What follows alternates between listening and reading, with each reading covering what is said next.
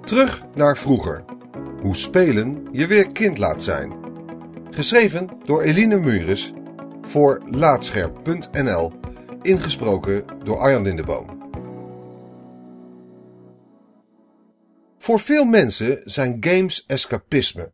Als volwassenen zoeken we regelmatig een plek op waar we even kunnen ontsnappen aan de dagelijkse stress. Games voorzien in die behoefte door je even de hel te laten spelen en al het andere te vergeten. Niet zelden verlangen we ernaar om weer even kind te zijn. Maar wanneer voelen we dat nu echt in games? Hoewel ik van jongs af aan al gefascineerd was door alles met knopjes, was ik ook veel buiten. Ik woonde gelukkig in een rustige buurt waar je urenlang op straat kon spelen of een stukje bos kon opzoeken om in de bomen te klimmen. Ik kreeg regelmatig van mijn moeder op mijn kop omdat ik grasvlekken op mijn broek had of mijn knieën had opengehaald tijdens het buitenspelen. Dat kon mij niet zoveel schelen, want ik beleefde de beste avonturen. Samen met buurtkinderen speelde ik spelletjes als tikketje, verstoppertje, voetbal, lummelen, buskruid, overlopertje, Marco Polo, Annemaria Koekoek of iets wat wij het fruitspel noemden, maar daar niets mee te maken had. Het is zo lang geleden dat ik me soms niet meer kan herinneren hoe deze spellen precies verliepen. Ik heb namelijk niet langer meer een gelegenheid om deze spellen te spelen als volwassene. Toen ik me meer ging bezighouden met gameontwikkeling en de bijbehorende internationale indie-gemeenschap, kwam ik in aanraking met game designers die vrij experimenteren met videogames en fysieke spellen. Dat resulteert bijvoorbeeld in indrukwekkende speelse installaties met digitale elementen. Wat mij opviel was dat er nog steeds mensen zijn die ouderwetse buitenspeelspelletjes, ofwel volksspelen, ontwerpen. Leuke en spannende spellen voor volwassenen die op evenementen of meetups worden gespeeld. Weeping Angels. Zo speelde ik tijdens het Playful Arts Festival in Den Bosch het spel Weeping Angels van Philip Eman van Play Vienna. Dit spel wordt in het donker gespeeld met twee groepen en is een mix tussen verstoppertje, tikketje en schatzoeken. De ene groep mensen zoekt in het donker naar een beeldje van een Weeping Angel, gewapend met zaklampen, maar ze moeten uitkijken dat ze niet worden getikt door de andere groep die de Weeping Angel heeft verstopt en probeert te voorkomen dat het beeldje wordt gevonden. Als iemand een zaklamp op hen schijnt, moeten ze echter bevriezen en mogen ze niets doen. Weeping Angels zorgde voor een ervaring die ik bijna was vergeten. Het jagen en sluipen, het vluchten en achtervolgd worden gecombineerd met teamwork en samen een strategie bepalen. Ik bewoog me vrij rond en moest me heel bewust zijn van alles wat er rondom mij gebeurde.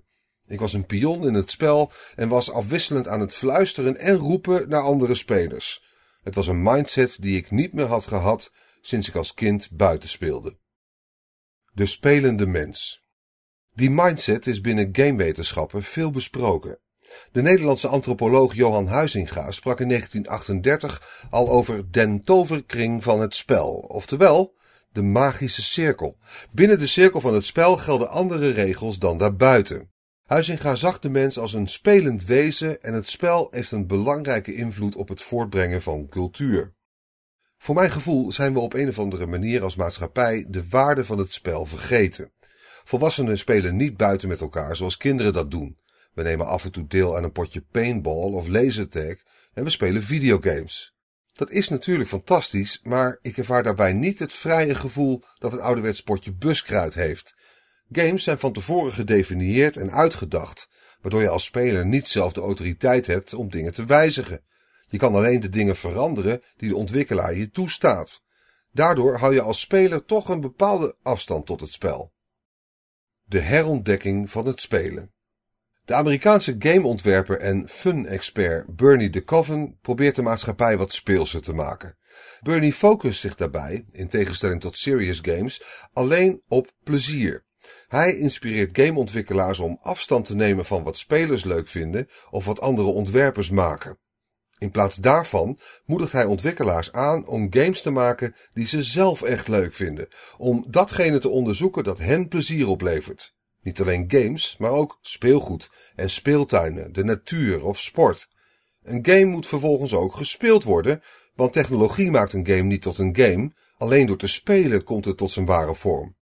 Bernie speelt regelmatig spellen met volwassenen. Theaterspellen, bordspellen, spellen met pen en papier, partygames en spellen waar geen winnaar of verliezer is.